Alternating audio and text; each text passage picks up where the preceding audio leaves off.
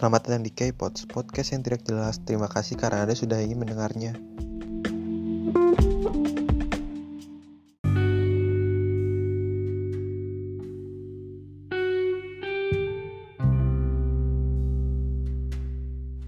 Jadi di podcast kali ini gue bakal jelasin kalian semua mengapa Free Fire masih ramai dimainkan.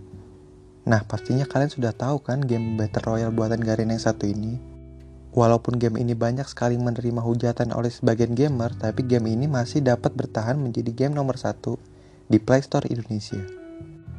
Nah, faktor utama game ini masih berada di puncak Play Store Indonesia adalah yang mungkin sebagian besar kalian sudah tahu bahwa game ini memiliki size atau ukuran yang tidak terlalu besar sehingga market game ini sangat luas.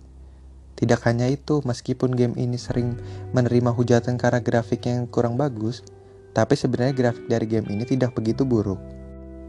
Nah, game ini juga memiliki gameplay yang sangat mudah dipahami oleh player baru, sehingga player baru tersebut bisa enjoy juga memainkan Free Fire ini.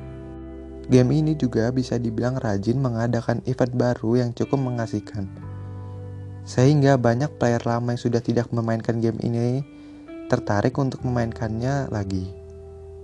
Faktor terakhir yang sangat penting adalah game ini memiliki server yang sangat bagus, yang membuat para pemainnya betah berlama-lama bermain game ini.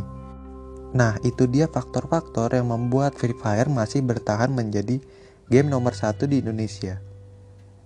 Game ini bisa dibilang cukup hebat karena game ini sering kali menerima hujatan, tapi game ini masih bisa bertahan menjadi game nomor satu di Play Store Indonesia. Semoga kalian menyukai podcast hari ini.